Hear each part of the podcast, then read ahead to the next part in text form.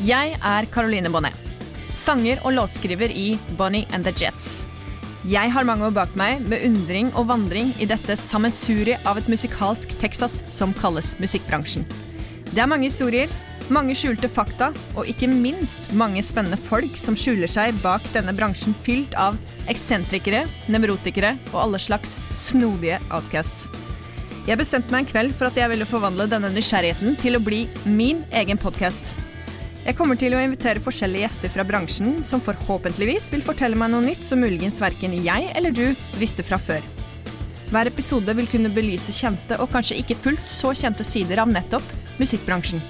Dette er hashtag bransjen.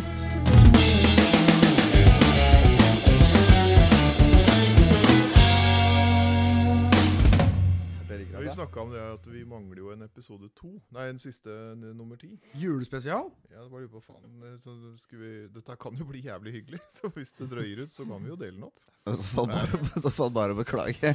Da ble det altså to deler, og vi fortsetter rett og slett der vi slapp sist. Da tar vi gløgg i andre episoden, da, i så fall.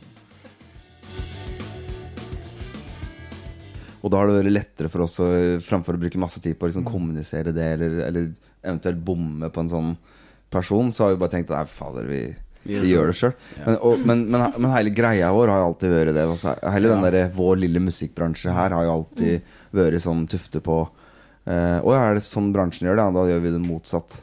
Det har jo veldig mange eksempler våre har handlet om det. For, for det at vi har sett at eh, som små liksom uavhengige, da, så har du, eh, har du ingen sjanse hvis du skal drive og måle deg på, eh, på det alle andre gjør. Så du må liksom sørge for at du går for egenart da, og egne ting. Originalitet, ja. Mm. Ja, det alltid sånn- vært kjempesære på det der. At nei, faen, altså, nå er det slutt på eh, Jeg veit ikke, jeg- det kommer liksom den ene etter den andre opp gjennom tiende for, for vår del, da, som sier at nå, det skal vi fikse det og fikse det og fikse det. Så skjer det ingenting. Og Problemet er at når du har sett bort en jobb, og den ikke blir gjort, så får du ikke gjort den sjøl heller, for du har liksom sett den bort. Ja. Så du må via en person for å få den til å gjøre det. Så, så det, var, det er mange år siden. Vi bare Nei, faen, Henrik, dette Eller om du sa faen, ja, men dette gjør vi sjøl, liksom. Ja, altså, altså, jeg jeg og det hadde jo alt gjort sjøl. En av eksemplene på det var litt sånn der eh, For det er ofte sånn det blir da sånn, I bransjer så blir det alltid sånn der Det blir sånn etablerte sannheter om hva som lønner seg og Hva som eh, ah, nå skal du høre gutten min du skal gi ut den plata her Da trenger du sånn og sånn Og så skal du, så skal du sende fire plater dit Så skal du snakke med Anita Som sitter her på Det er et interessant ja, fenomen. så sitter, så, så sitter alle og noterer da Og der, eh, der alle tenker det samme Så er det ingen som tenker Er det noen som sier noen, som sier noe sånt? Og jeg Mm. Var jo på alle disse kursa der selv sånn, Hvordan starte eget plateselskap Hvordan du var på Grammart-kurs Var på en andre For å prøve det å der her eh, liksom Hjelp, jeg er i Nei. Eh, You're in the music business. you're Hjelp, jeg er i popbransjen. Ja, Ja, men før det så var det noe Ja. som het eh, Du er i musikkbransjen. Du, Ja. You are fucked. Ja. Og det tror jeg alle følte når de gikk derifra. At fy faen, vi, åh, vi har virkelig bedt om trøbbel, altså, som har begynt på det her. ja for det, og, og, Det da, er og da mye, det er er veldig kreativt, det. Og da er du inne i den der for en brems. Da er du inne i den der, inne den der tankegreia der. Sant? Om at, at du har, sånn der, du har noen naive, naive tanker om hvor, hva du vil hen, og hvor du, hvor du vil, og hva du vil med musikken din. Og så etter hvert som du da lærer mer om det, så blir du mer og mer usikker på om dette her faktisk kommer til å gå. Fordi at du, eh, for du får så mye informasjon, da. Og så prøver du å liksom navigere i det. Men jeg følte veldig på at, øh, at den der, de der bransjestandardene Jeg følte sånn der, jeg fikk sånn der Åh, jeg kjente inn at fy fader, her skal vi fucke med. Altså, for det der, eh, vi har ingen mulighet til å, til å måle oss med, med den informasjonsmengden som kommer fra de store selskapene, og det, alt det som skjer den, den pakka der. Så hvis vi skal ha noen som helst sjanse, så må vi snu på det. Og det første vi gjorde, var jo med den Electric-plata til Amund. Første soloplata di etter at vi hadde gjort en runde med The Grand. Ja. Og en, og en sånn kort runde med Moritz. Så, var det, så flytta vi studio hit. Ja. Og så var det noe av det første vi gjorde. Vi spilte inn en Vi hadde tweaka en gammel båndmaskin eh, til, eh, til nye høgder. sånn at vi fikk, eh, fikk det til å virkelig sprute her og der. Så, liksom, så hadde Amund skrevet noen blueslåter. Og så tenkte jeg ok, nå skal vi, nå skal vi lage sånn MC5 bluesplate. Noe som på en måte blir jævlig sånn insisterende og, og ganske brutalt i sitt sound. Og så skal vi bare rett inn i bluespakka igjen, for det er liksom Det er det som føles riktig for oss nå, da. Og det var jo ganske sånn uforventet for folk, tror jeg, for at da kom vi rett fra en sånn der eh, ganske rocke Altså vi har liksom spilt Vi var liksom i rock eh, Lagt liksom bluesen til side og var liksom i en rockesjanger, på en måte. Og så var det sånn nei, nå skal vi rett inn i bluesen igjen med det, da. Eh, og da var det en sånn greie så, sånn, så, Når skal plata ut? Og så er det sånn Nei, da, ja, da fikk liksom bransjetips. Ja, det er bare to, to perioder. Du har månedsskiftet februar-mars, og så har du liksom september. Det er liksom de to gangene du kan gi ut plate, ellers så blir det ingen sjans. Og så bare det som er som jeg satt og tenkte på dette her, så var det sånn der Ja, men åssen skal det gå, da? Hvis liksom alle de store artistene skal gi ut plate i februar-mars. Og sånn i all verden skal vi klare å få anmeldelse på den plata her, da? Det er jo ikke sjans.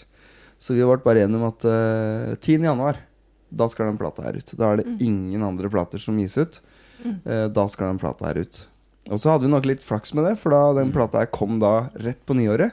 Eh, journalister satt og tvinna tommeltotter, var klare for å skrive om det. Og vi fikk masse anmeldelser, fikk masse oppmerksomhet rundt den plata. Genialt. Finne den luka der. Um, Så det var en sånn der, Det tror jeg var bare sånn første sånn, liksom, tankeeksperimentet vi gjorde med at nå skal vi gjøre ting på vår måte. Og så, og så så vi bare at ok, her er det faktisk en sånn Du har faktisk en mulighet. Hvis Hvilket du bare, år var det her, da?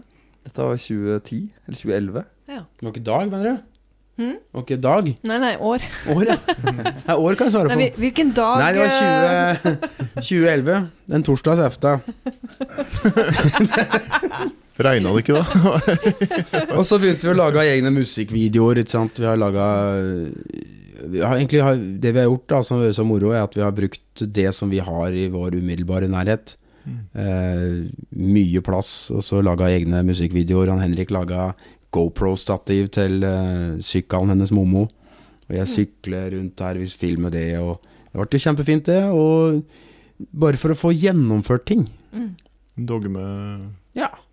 på det hele. mm, Absolutt. Veldig Ja, bra. så eg, sant? begynte å, sette, vi begynte å sette Det er gjennomføring noe som er rart. Vi begynte å sette gjennomføring lenger opp på lista. Det er jo nesten som altså, det beste komponentet du kan ha i et lydstudio, er jo trivsel.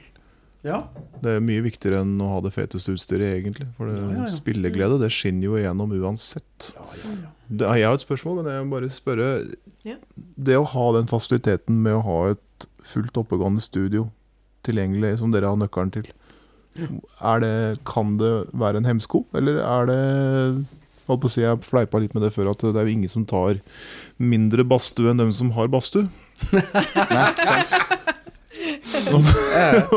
Jeg bare tenker på, Er det noen baksider med å til enhver tid altså ikke ha en klokke på veggen som eh, noen sender faktura på timespris og andre ting? Er det, kan det være hemmende for prosessen? Det ser jo ikke sånn ut ut ifra katalogen dere har klart å, å generere innen dere er 40 år, noen av dere. Det tror, jeg- altså, det Jo, er tror er at 40. eh, Ja. En av tinga som vi har endret litt grann på siste året, er at vi sitter ikke her og skriver så mye lenger. Nei. Vi sitter ikke her og jobber med utvikling av musikk. Det gjør vi liksom i hjemmestudioet våre. Jeg har et lite oppsett, Amund har et lite oppsett, og vi sitter der Der sitter vi og fikser ut ideene våre. For det som er problemet når du kommer hit, er at du, du har for mange muligheter. Sant? Og du henger deg opp i ting, og du begynner å spille instrumenter, og så plutselig så gjør du noen ting som er sånn Det, det er så langt på sida av den der eh, skaperprosessen, da. Så da trenger du egentlig bare ei bitte lita hule med minst mulig muligheter for å gjøre av den ide idéutviklinga. Og da uh, sitter du vel egentlig igjen med at dette her er bare luksus og verdens beste plass å jobbe på. Eh, samtidig som at jeg tror at ingen av oss har hatt mulighet til å kunne la tida dra av gårde. Altså Vi har så mye Vi booker så tett i uh, planene våre at vi f til og med de der uh, prosjekta som, eh, som eh, som på en måte ikke er sånn uh, superhast på. De får automatisk en deadline. Fordi at du har et prosjekt som står i kø. da Ja. Så du må bare Dere har på en måte liksom muligheten til å gjøre alt per definisjon perfekt, da, fordi dere eier studio og eier tida deres, på en måte.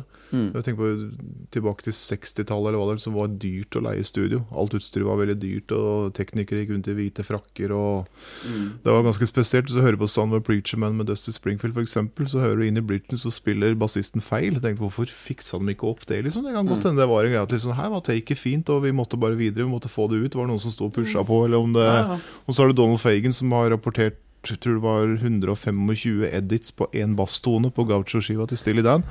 Ja. Og tenk på Perfect has many faces, men, men er det sånn med dere òg? At dere, dere kan gå inn og spille inn skiva deres når dere vil? Ja, altså, Ja, ja. hvis ide, altså jeg tror at det, det essensielle er jo det at du skal bruke Sånn jeg ser på du skal bruke kjempelang tid på å skrive låtene, og så skal du bruke kjempekort tid på å spille dem inn. Ja. For altså Hvis du veit at ideen holder, så er det bare å øh, spille inn sånn det føles best da, så du får kortest mulig vei mellom magefølelsen og ferdig resultat. Og så klart når du sitter øh, Det vet jo alle som er i studio, at du hører låta sikkert 10 000 ganger. Og hvis det lugger fortsatt, det er et eller annet inni deg som bare Nei, det der Da fikser vi det.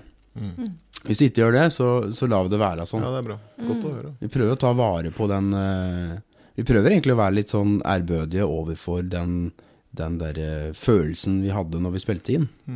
Ja. Detalj. Vi har aldri vært opptatt av eh, Og det er kanskje litt eh, sånn som, som jeg er som trommis, som er både frampå og bakpå, og, og, og der der, der jeg føler at det trengs. Altså sånn, altså vi har på en måte Vi har alltid liksom sånn Vi spiller sammen, og vi spiller ting til det føles bra. Og om du da drar av gårde på refrenget, så er det det, det spiller ingen rolle, liksom. Jeg har aldri vært opptatt av de tinga der, da. Nei. Så lenge det føles bra når du hører på det.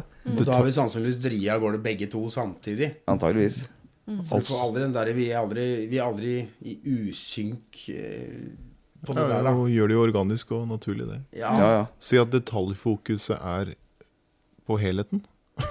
ja, egentlig er det det. Ja. Men, men jeg tenker på det i forhold til det du, i forhold til det du sa om studio, da, Dagfinn, så tenker jeg at det, det, kanskje, det kanskje viktigste sånn strategiske grepet som vi tok eh, her, var vel egentlig at vi bestemte oss veldig tidlig for at det, det studio her, det er noe som plateselskapet vårt eier.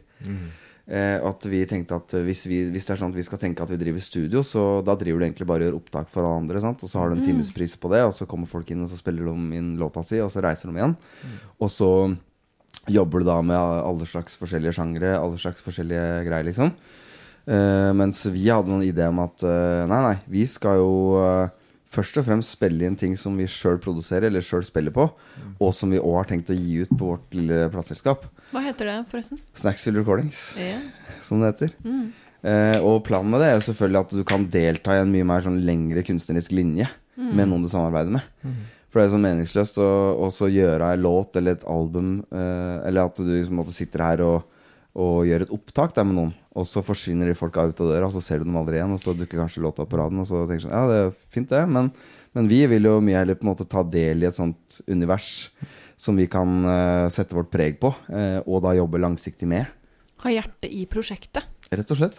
Ja, og påvirkning, altså påvirkningskraft. Påvirkningsevne. Kunne påvirke det som skjer. Ja. Sender du brev til deg sjøl og setter over telefonen til deg sjøl og sånn, eller? Ja, ja altså, jeg, jeg, har, jeg har flere hatter. Jeg har det så Å uh, oh, ja, du skal snakke med plateselskapet. Et lite øyeblikk. Hallo? Liksom, sånn. Han prater jo Han vestlandsdialekt. han han er litt opptatt akkurat nå. Ja, ja det er han, eh, Skal vi ta med markedsavdelingen? Ja, et øyeblikk.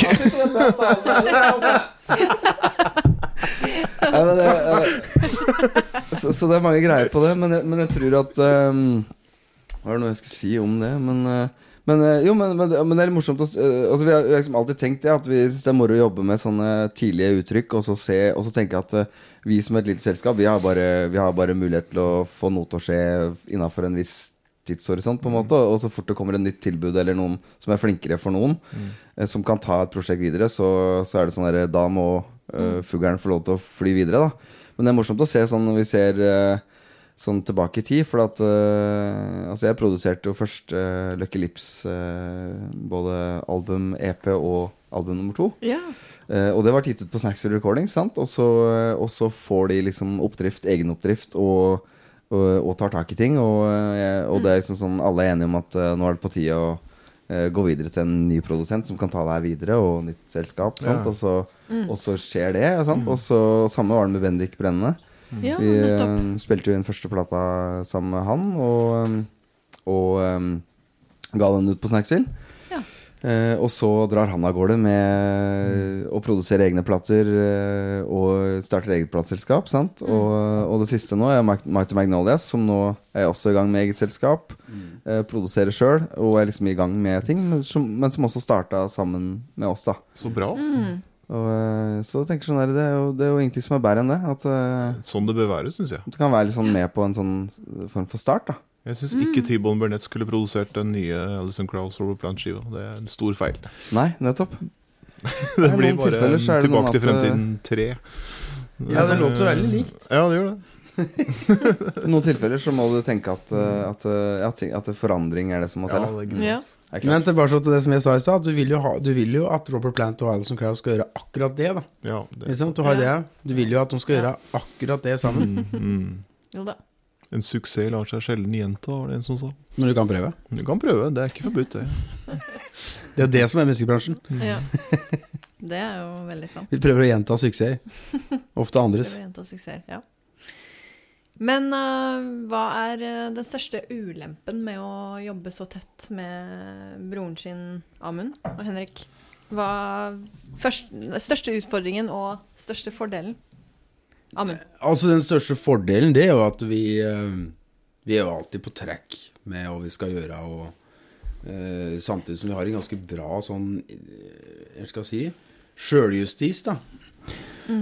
Så eh, det er jo nå nylig det Henrik sa til meg. Du, ja, men jeg vet du er hypp på å få ut den plata, men vi holder han litt, liksom, så vi kan jobbe litt eh, mer grundig med den. Og, og så må jeg si at ja, det har du faen meg helt rett i.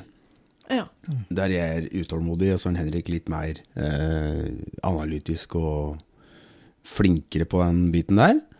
Eh, altså ulempen det må være at vi hvis vi ikke hadde jobb i hopet, så kanskje vi hadde vært mer i hopes ellers. eh, og fiske mer og gjort sånne vanlige mennesketing. Sånne vanlige Ja, brødreting. Ja, Ja. men Det så blir ikke så mye av det. Det er liksom, får kanskje kanskje dosa si. Ja, jeg vet vi får dosa vår, men vi rekker liksom ikke det. Pluss at vi Vi er jo kjappe til å begynne å prate jobb da når vi møtes Mm. ellers, for vi har jo liksom huet oppi dette prosjektet hele tida. Ja. Når det er komisk på juleselskap, så blir det sånn at Amund jeg møtes på kjøkkenet, og så blir det, blir det sånn rett kort innpå. Så du akkurat den der datoen så, så bare, Mens vi bare sjonglerer oss ut til fam familien, og så blir det sånn straight face sånn ja, Ja, på om det er noen andre som har føler seg truffet her. Ja, Nei, du, jeg skjønner Jeg kjenner, kjenner ikke noe sånn relasjon til de spørsmålene jeg stilte Nei, nå, i det hele tatt. Jeg aner heller ikke hva du snakker om. Nei, vi Henrik jeg sitter med liksom hver vår unge på fanget, da, men så sier han Ja. du lurer på skal vi bytte mikser, ja, sant. Så vi ehm, det kanskje, Men det tror jeg kjennetegner oss begge to, at vi er dårlige på å ta fri. Ja. Vi er i hvert fall mentalt. Ja. Mm. Og så, eh, og så har vi jo vokst opp med en far som vi så lå på sofaen én gang. Mm. Så um, Det var fotball-VM, da. Ja, nei, da var det noe med ryggen, tror jeg. Men det var den ene gangen der lå han på sofaen. Altså, det er veldig sånn drive Ja. Drive med noe fokus, da, hele tida. ja, ikke sant. Mm. Så um, vi driver jo med noe hele tida. Jeg har gjort en podkast med Terje Moro, syns jeg. Det har jo. Ja, fader, det er Det motor. er. Ja, det er bra. Skikkelig motor. Og hilse.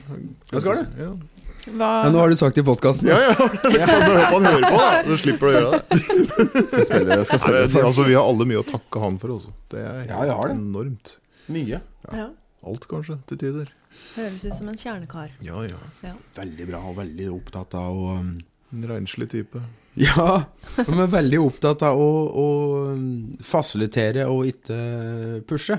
Ja. Sånn at vi eh, har alltid det, Jeg føler jo at eh, ting har vært lagt til rette for oss, men vi har jo valgt det sjøl, på en måte. For vi har jo Det er noe med å drive med musikk, at du velger det på nytt og på nytt og på nytt.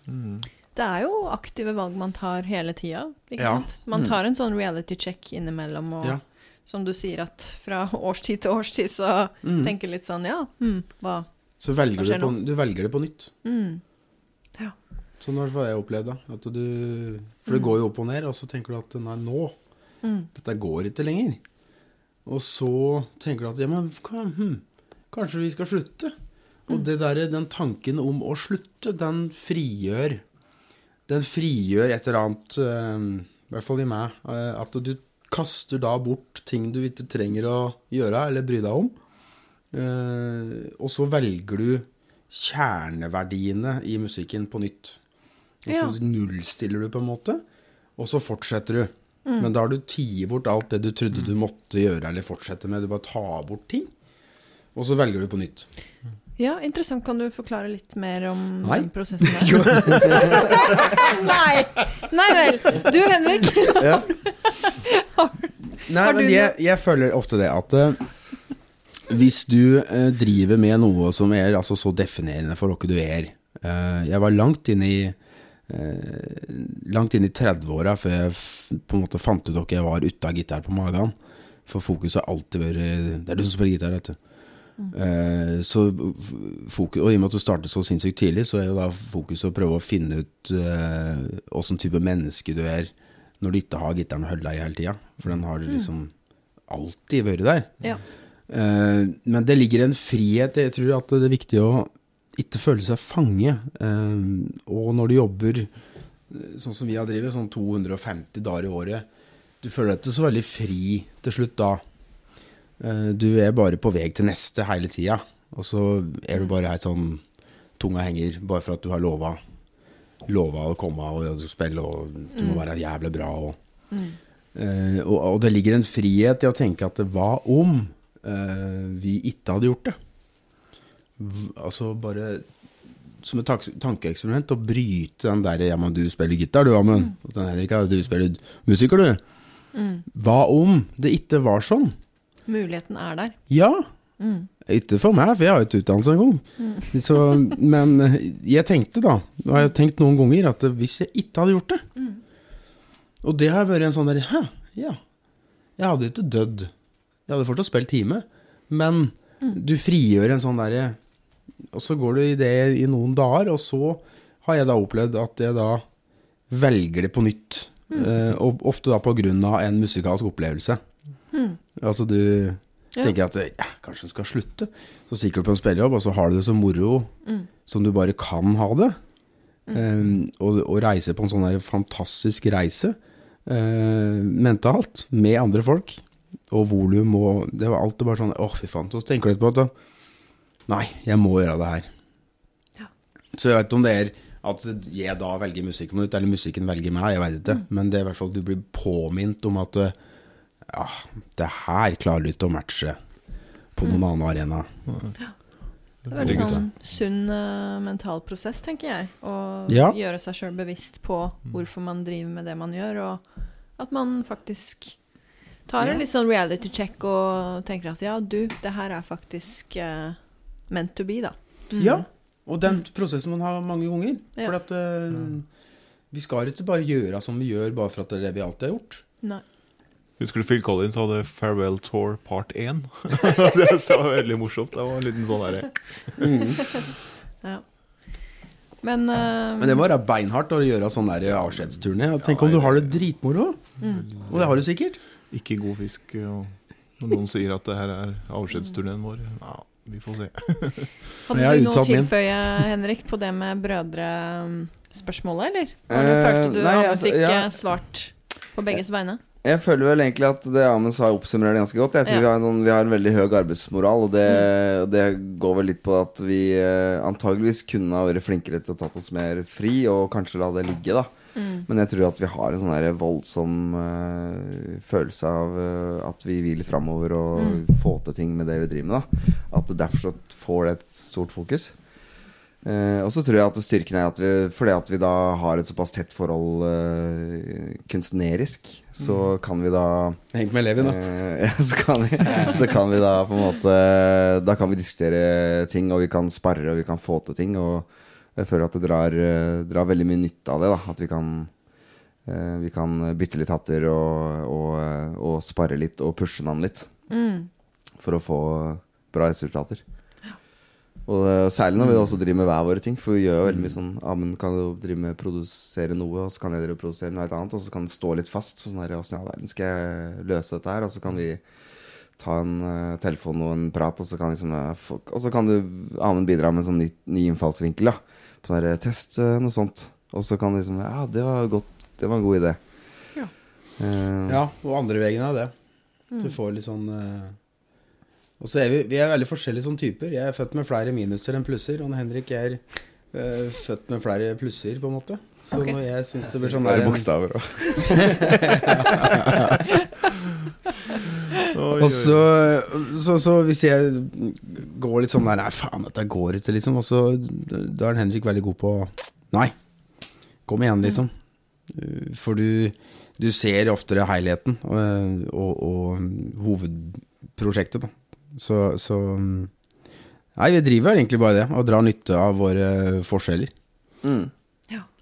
Ofte. Det er Bra det ikke er sånn Mark og David Knopfler eh, greier. At den ene ikke var god nok til å bli med videre. Det er jo bra at dere er jevne i Det er bra Ja, er eller, at, jævlig eller at jeg så det sjøl og lot uh, Lucky Lips eh, bli bandet. Det var bra du spilte med Lucky Lips nå i sommer på, på Canal Street. Og Henrik får tekstmelding. Det er Pål Emil Stormberg som spiller trommer. Og Henrik får tekstmelding, han sitter hjemme. Jævlig bra spilt! Å ja. Ja, ja. Så sendte jeg bare SMS og 'tusen takk', og så sendte jeg til han uh, Pål Emil etterpå at uh, at det er bra du ivaretar mitt gode navn og rykte. ja, det var litt sånn, det var litt sånn rart, det der. Men ja, men jeg, vi, har, ja, vi har jo spilt sammen da, trommer og gitar da, sammenhengende omtrent, da, så vi var uh, ensifra antall år. Og så da fram til da 2019, da, da, var det sånn, da hadde jeg såpass mye annet å drive med i andre ting som gjorde at uh, i tillegg til at jeg skulle bli pappa, så følte jeg bare at nå, nå, nå kjenner jeg at jeg har lyst til å reise like mye. Så da sammenfalt det veldig bra med at uh, Amund var i gang med å skrive et album som Lucky Lips skulle jobbe med. Og så tenkte jeg sånn her, ja, men så dødsbra. Da, da passer det veldig fint med at Amund kan turnere med Lucky Lips. Så kan jeg trekke meg litt unna. Ja. Og så har vi hatt en veldig sånn fin periode med det. At da har jeg kunnet hatt tid til å drive med litt andre eh, fokusområder. Og så plutselig så ramler den inn den derre merkelige toårspandemien som vi fortsatt står eh, litt eh, i, da.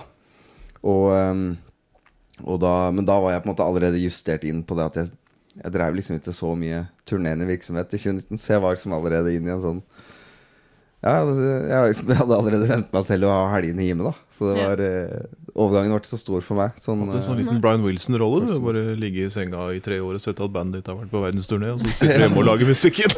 ja, seg. Men jeg gleder meg jo fælt til den der hologrammuligheten, da, for jeg er jo ikke så glad i å reise. Vet du. ja. Så det kan bli noe. Men- Dere har, dere har reist veldig mye og turnert mye.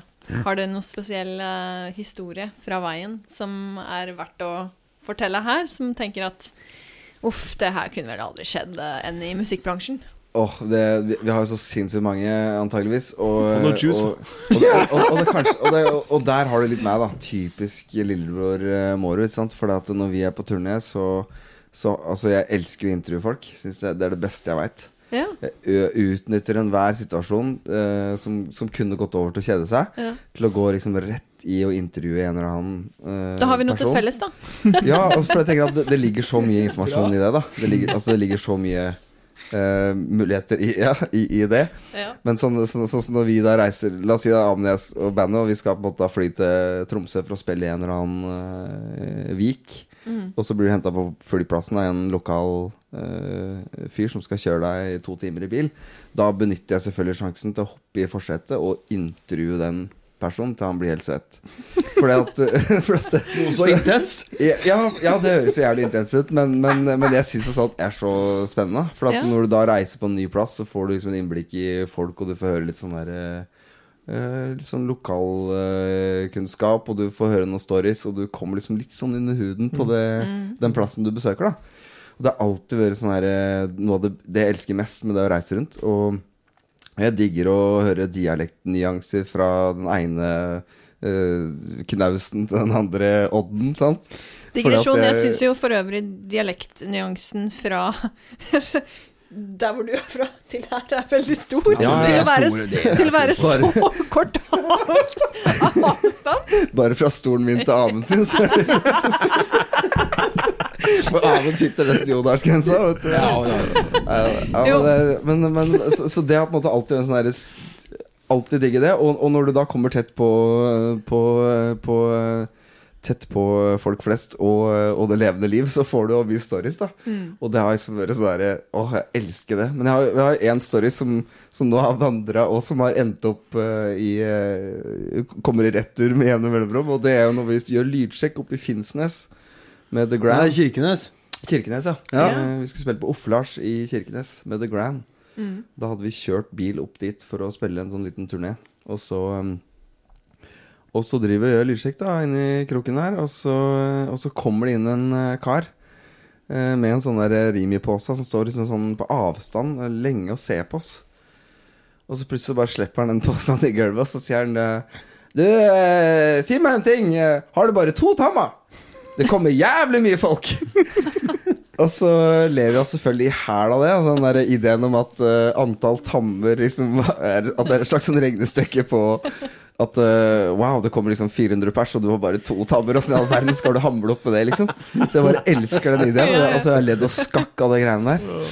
Og eh, nå senest nå i sommer, så på Notodden, så, så gikk jeg forbi den der Hoba lastebilen, ikke så, så skriker bare Hoba ut eh, 'Har du bare to tammer?'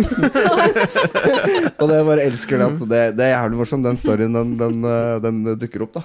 Med jevne mellomrom.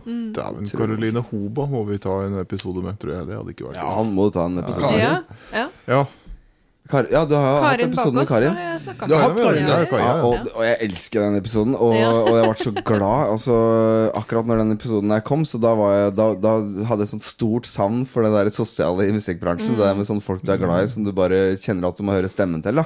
Og jeg bare elsker Og da gikk jeg meg en lang gåtur, og så hørte jeg podkasten med Karin. Tenkte sånn, fy fader, Karin, nå, nå gleder jeg meg til å se deg igjen. Ja, ja, ja. Skikkelig ja, fint, Altså. ass. fin. Nydelig. Mor. Har du noe spesiell, uh, minne, spesielt minne fra veien som du tenker? Hashtag bransjen. jeg er så dårlig på å huske ting, men det er jo bare sånn vanlig motorstopp eh, på motorveien i Nederland og flyge over eh, det var sikkert du og jeg, da. Flyge er da å løpe, Ja, for de som stemmer. ikke vet det. Det sier de i Gormsund. da, det. Ja, ja, det gjør de faktisk. Og så skulle vi flyge over motorveien og, og prøve å få haik, og så ble vi kjørt av en eh, Da fant vi en politimann som kjørte oss, og der pratet sånn derre fri fart-aktig autobahn, da. Du skal ikke flyge uti der, vet du. Nei. Nei. Men vi skulle det, ja. Og Henrik og jeg. Og han kjørte oss til bensinstasjonen, og det stinker diesel i hele bilen. Altså, tusen takk og thank you. Det ordner seg, og Vi hadde en sånn runde, for at vi hadde jo ikke penger da, til å ligge over. Så vi, vi, spilte, vi spilte jo um, Var det Rockpalast? Vi spilte når Ja. vi måtte kjøre sånn tur-retur. Og så ta Kiel-ferja. Ja, kjørte vi tur-retur Nederland, og, så, og da hadde vi ingen mulighet til å Altså Vi hadde rett og slett råd til å ligge over. Så vi kjørte ned, eh, tok ferja og spilte, og kjørte opp igjen. Dere to? Ferja. Nei, med Eirik og Per i bandet. Ja. Og Lyd... Sven, Sven Olsen. Ja. Entertainment. Sventertainment. Mm. Vi hadde jo sinnssykt kule turer med det. Men da Da ble jeg stoppa av nederlandspoliti på grensa til Tyskland på morgenen. Og hun, eh, hun, det kom da ei politidame fram til bilen, og hun eh, overhøvler meg på nederlandsk. «Jeg har hår i, jeg har hår», Og bare måka på, da. Eh, og, mm, og kjørte liksom en lang sånn tirade før jeg bare til slutt da fikk mulighet til å si eh, unnskyld, kan du ta det på engelsk? Mm. Og da mm, da gikk hun seg en liten tur før hun kom tilbake, og da var det litt, annet, litt mer spak tone, da. Men da hadde jeg gjort da feilen av å liksom ligge i venstrefeltet da, i 110 med bil og henger, og det var jo ikke lov. Jeg måtte ligge i høyre feltet sammen med trailere, da, fordi at jeg hadde bil og henger, da. oh, ok. Eh, så, så da fikk jeg en bot på det, som da faktisk dukka opp eh, et par måneder etterpå på, Ja. i postkassa mi på Grünerløkka. Wow. Men da husker Men da lurte du på om jeg hadde tatt noe narkotika. Fordi at uh, jeg var så rødsprengt jeg var, så måtte jeg bare forklare at nei, jeg har bare ikke sovet på snart et døgn. Det var Det der går ikke an å gjøre lenger. Det var jo litt sånn hasardiøst.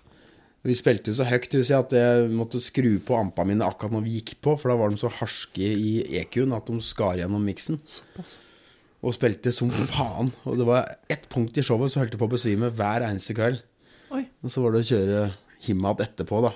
Det er helt vanvittig. Og da satt jeg framme og åt sånn eh, Ikke elgpølse, men eh, Og så var det og drakk litt øl, og så var det om å gjøre å prate hele tida. Men Henrik vet han skulle søvne, ikke sant? Oi, oi, oi.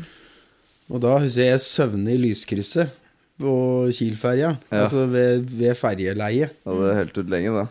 Og da vakner jeg, og da vakner du, og så ser du bilen bare like framme din egen bil. Ikke sant? Så bare Det var noen sånne, sånne runder, men vi har jo ikke hatt det helt uh, vi, vi har jo Bank i bordet har gått veldig bra. Ja, vi har kjørt har, eh, veldig langt og veldig mye.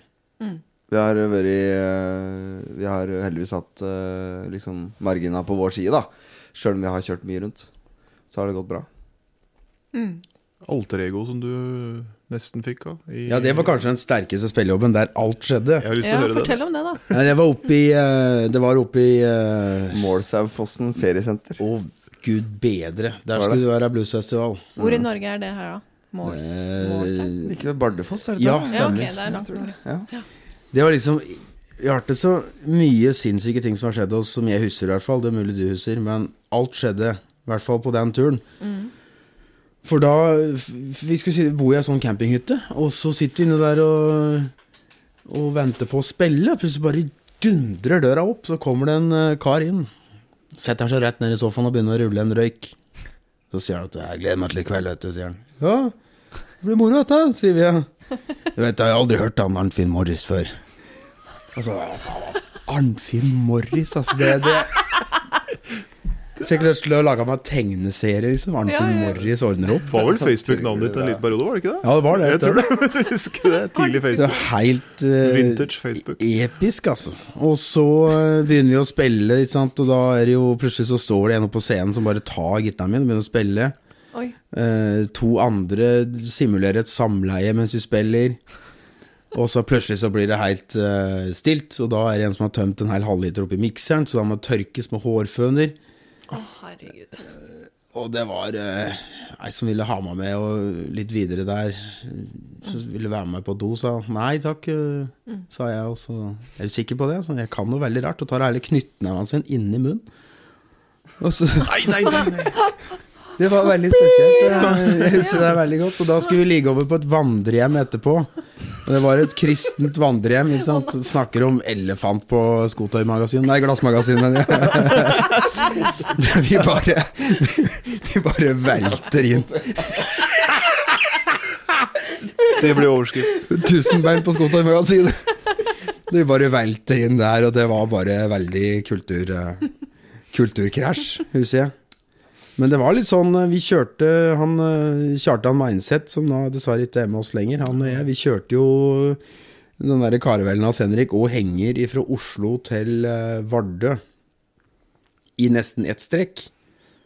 Og han, var, han sto jo langt fram i skoa, så han skulle ut og sove. Så vi lå over i Trondheim, og så kjørte vi til Vardø. Og det, altså jeg husker enda, altså den der siste bakken opp til Vardø, det, altså, det føltes som vi nesten drog den hengeren sjøl, for det gikk så tungt. Så var det inn på Nordpol kro, og så var det tre svølger med øl, og da søvner vi ved bordet begge to. Og jeg, så, jeg sov litt på turen, da, og han spilte Rory Gallagher på full guffe, og så våknet jeg, og så var, satt han og pratet full nordmøring, og oh, oh, oh, Rory Gallagher. Irish Tour i 74 på full, og så bare duppa jeg av litt til. Det er mye sånn eh, Jeg tror den største forskjellen fra før og nå er at uh, før så tenkte jeg at vi måtte gjøre alt hele tida, og nå så prøver jeg å tenke at uh, verden består eh, om hun sier litt nei. Og, og det har egentlig korona hjulpet meg litt til. At uh, dette går veldig bra, sjøl om det ikke gjør alt, og Ja. finnes overalt hele tida. Det Ja. Sånn i forhold til før um, Hvordan musikkbransjen var før kontra nå, har du noen spesielle tanker på hva som har endra seg mest på den tida dere har vært med? Jeg tenker vel i hvert fall sånn at uh, det står veldig respekt av deg som starter nå, eh, føler jeg. Jeg føler at det blir dårligere Det blir bare flere og flere artister, flere og flere band, og uh, Vi har jo omtrent det samme publikummet i Norge. Det blir, til, det, blir til, det blir flere band enn, flere, enn, enn publikummere, på en måte. Så jeg, jeg føler jo, og pluss at du ikke får sølt plate lenger, er jo en stor ting. Altså Den der bluesplata vi kom ut med i 2003, den solgte nesten 9000 eksemplarer. Det var helt sinnssykt. da Det er en ganske smal bluesplate. Eh, og går fra det til at du nærmest eh, gir det bort. På, eller du gir det jo bort digitalt. Og du trykker vinyl for å ha noe selge etter konserten, så du er jo din egen eh, platesjappe. Det blir bare vanskeligere og vanskeligere og vanskeligere, og jeg tror at eh, den bransjen vår er jo tufte på at vi gjør det beste vi kan gjøre, uansett forutsetning. Ja. Og det er- kan du si at det er bra. At du skal låte fantastisk den kvelden du kommer og PA-en er sprengt, og du verden som du løste det, og så fint det var. Problemet er at når det blir bare dårligere og dårligere forutsetninger, så leverer vi fortsatt det beste vi kan.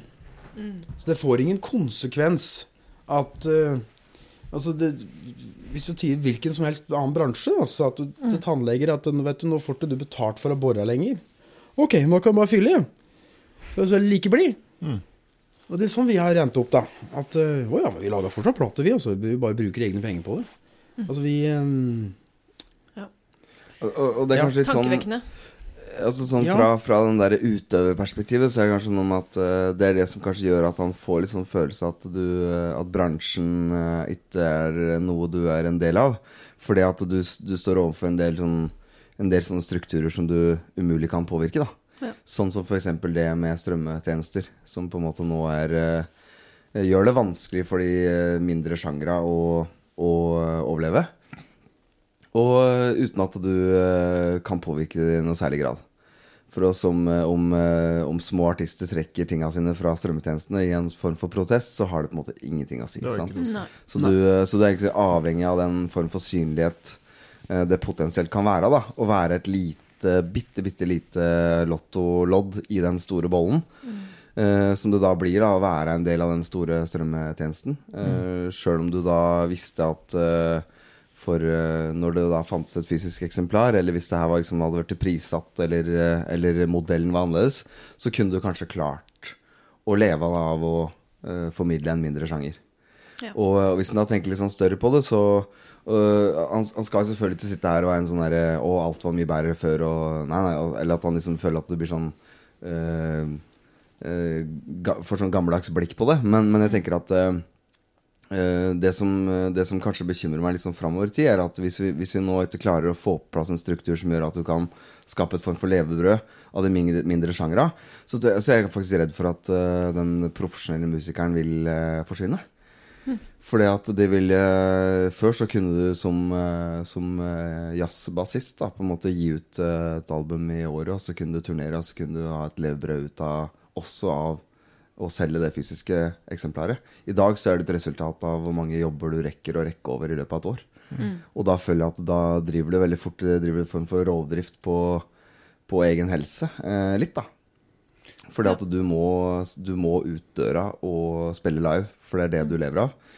Og, og den luksusen hadde vi før, om at den, det å gi ut album det var på en måte noe som eh, plasserte deg der ute, eh, sånn eksponeringsmessig, men som også ga deg en form for inntekt som gjorde at du kunne eh, kalle turnering for en, eh, en halvtårsgreie, eh, eller eller at du kunne turnere kanskje ett år og, ta da, og ha mindre turnering året etter.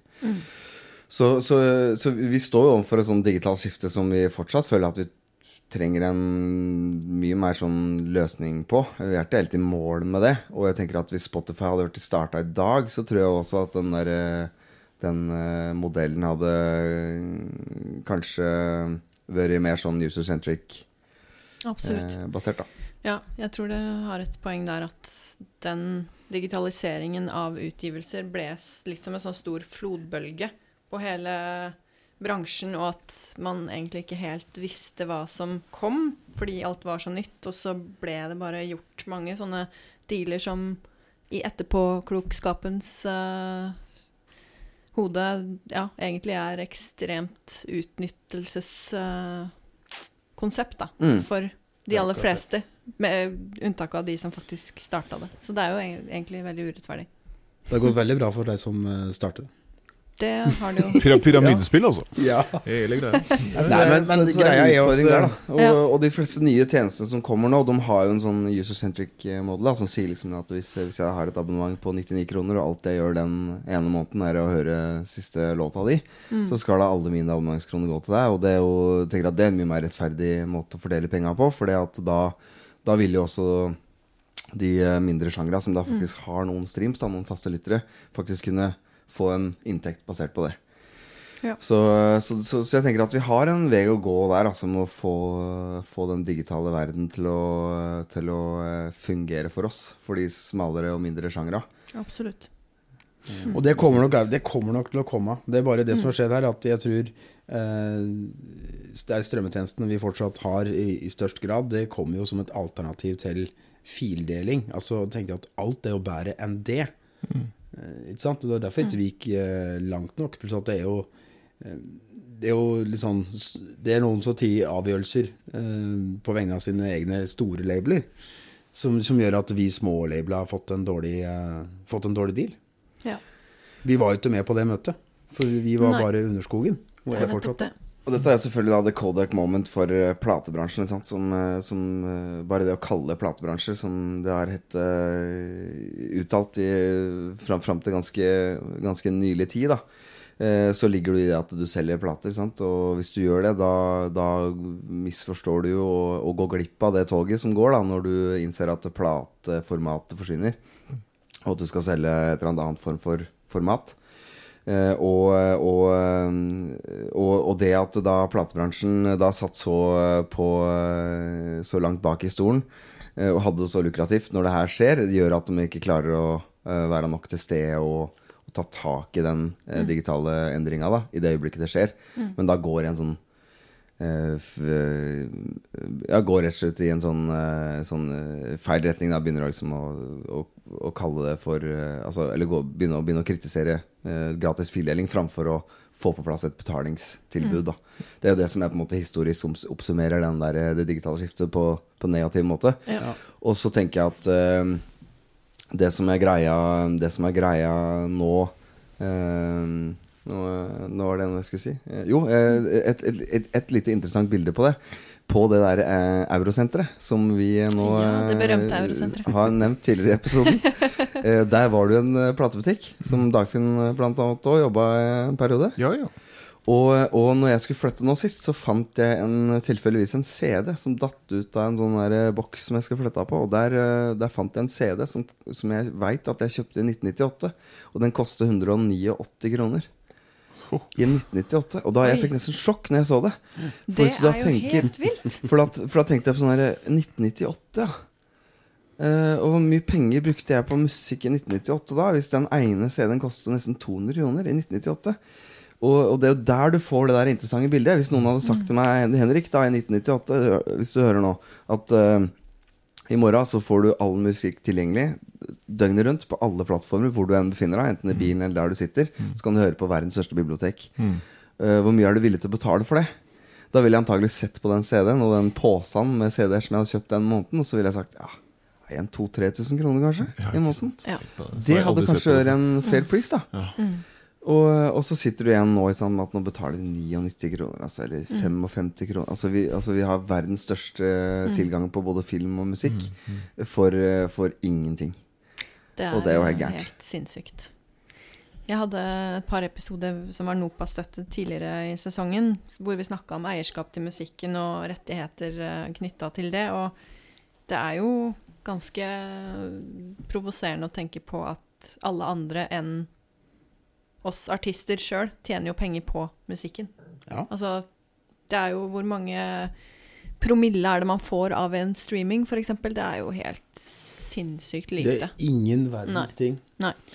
Men vi er jo veldig lette det, det, Dette er jo det psykologiske ved det, at eh, vi er jo lette å, å eh, i anførselstegn utnytte, da. For at mm. vi vil jo bli hørt. Ja, ja. Vi vil jo bli sett. Mm. mm. Og alle muligheter vi får til å bli hørt og bli sett, for vi mm. veit at det er en så viktig del av vår eh, overlevelse, mm. den tar vi. Mm. Så bruker du 200 000 kroner på ei plate som du legger ut, og får 0,003 øre mm. for hver avspilling. For vi vil bli hørt. Mm. For vi skal ut og spille live. Mm. og så er det også litt interessant å tenke da på den eh, Hva gjør musikkbransjen da når koronaen kommer? da, sant? Og vi er avhengig av å uh, Altså, vi får ikke lov til å spille live lenger. Hva gjør vi da med de digitale konsertene? Jo, vi gjør det gratis.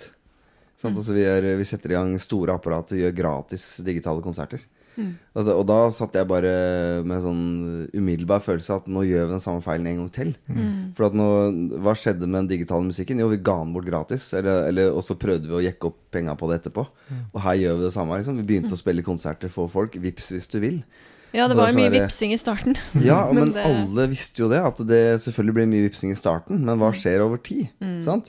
Og da tenker jeg at uh, hvem som helst uh, burde jo skjønne da at uh, de digitale konsertene burde ha en fast pris per billett mm. fra dag én. Mm. Da kunne kanskje den digitale konsertformatet ha bestått til og med i dag. Mm. Fordi at det er en helt annen måte å se en konsert på. Men, men, hvis du vippser hvis du vil, så er det noen som drar lass i starten, som etter hvert tenker at i måned nummer tre at nå har vi gjort så mye, nå kan noen andre gjøre det. Mm. Men de folka, de gjør aldri det. Nei. Vi har lært noe til neste pandemi. ja, har vi det? Altså, det, det? det, er det han lurer på, om, om vi har det, da. Det var framtidsutsikten sin. Mm.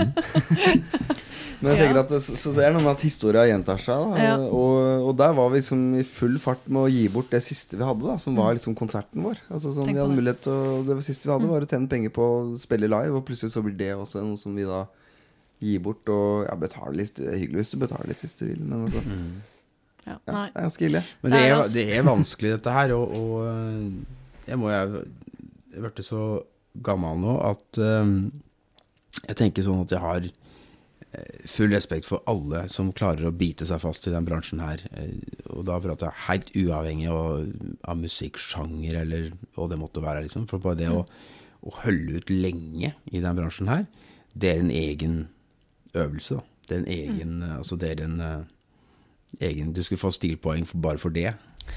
For det er ikke så lett. Nei, det er sant.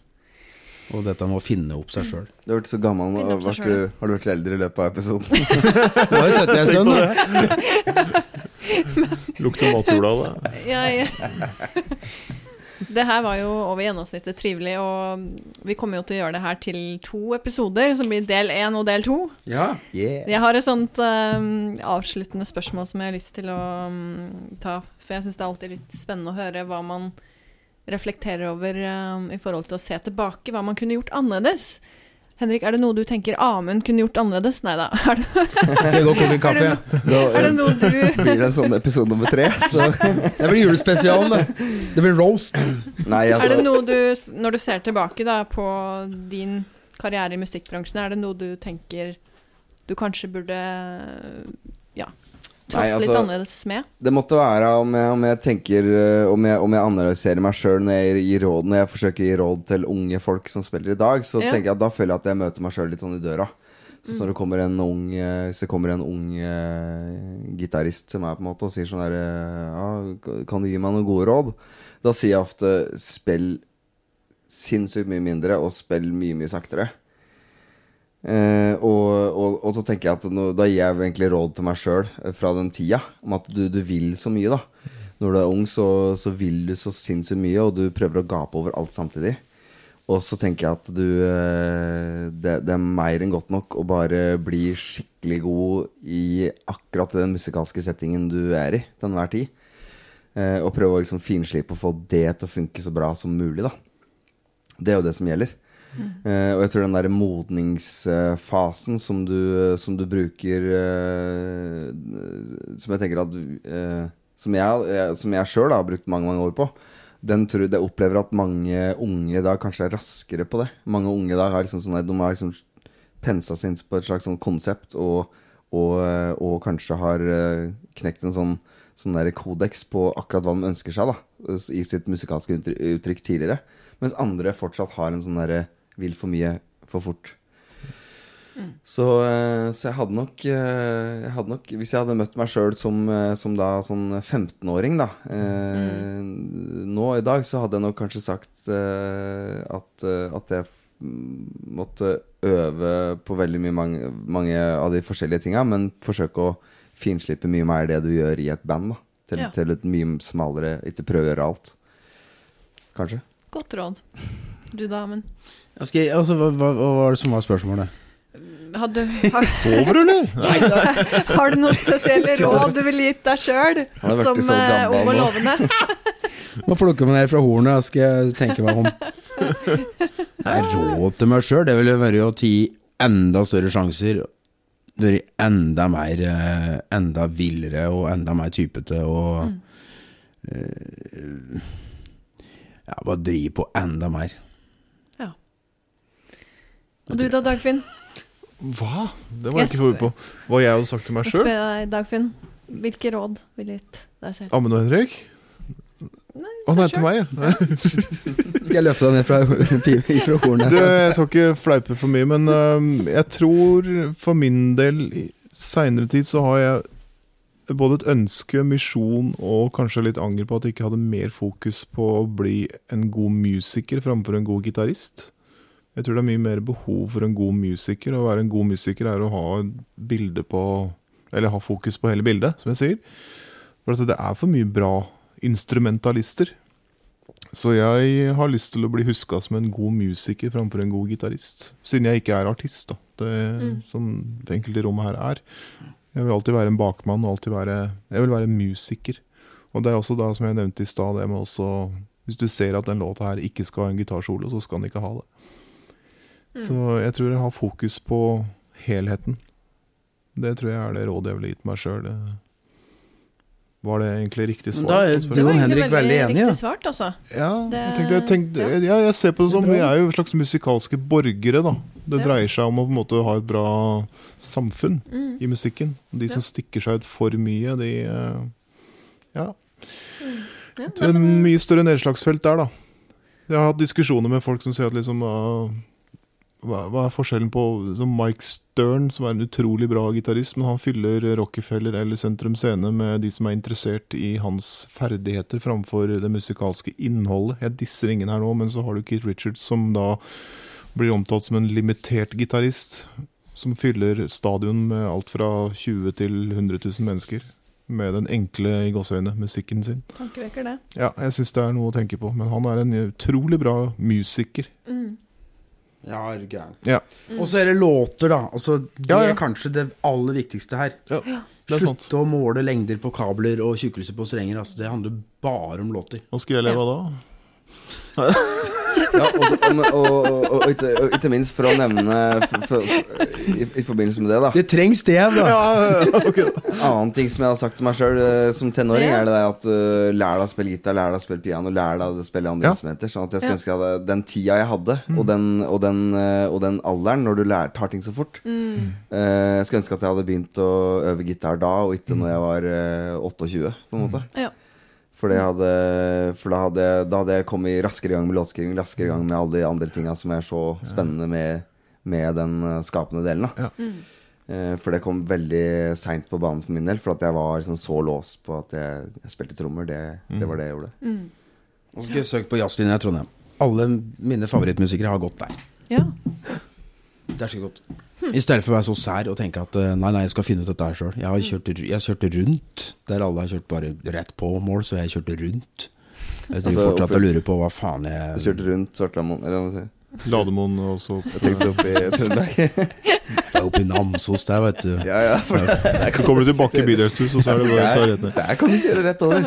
Ja, ja, der Kan kan, du det nå? Ja, ja, du kan kjøre rett over der. Men Am- Amund, Amund, kan jeg få lov å skyte det første jeg tenkte nå? At de fleste som har gått på jazzlinja på Trondheim, de er faktisk ganske beundrere av det du har gjort òg.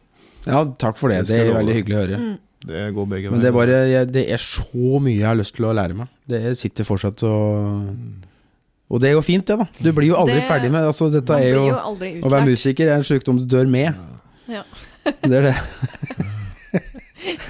Jeg tror, eh, jeg tror vi avslutter med det, det gullkornet der, On ja. that note. Jeg foreslår at vi lar teipen gå, ja, for at det kan jo komme noe gullkorn i neste time vi skal sitte og skravle. ja. Skal vi ta julespesialen? Skal jeg koke opp noe gløgg, da? Så tar vi julespesialen etterpå? Ja, Jeg tror ja. Jorunn har lagd noen karbonader, så vi får bli med til Vormsund.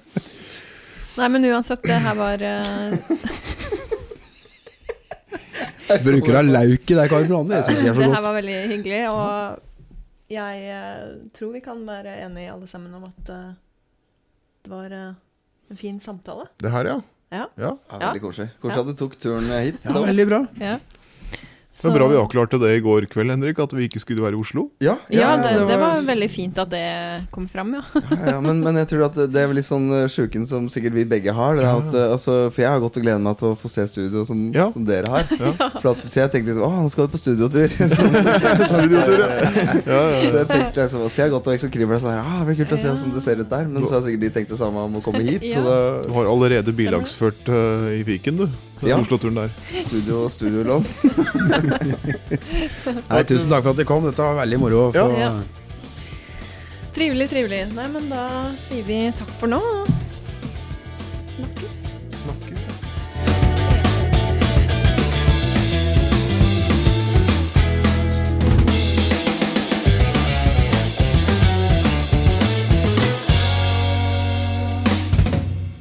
Da har jeg lyst til å takke deg som lytter til Hashtag bransjen. Jeg er Caroline Baudet, og neste uke så har vi en veldig kjent gjest på besøk i Lekerommet studio. Og det er også sesongavslutning på sesong tre. Følg med!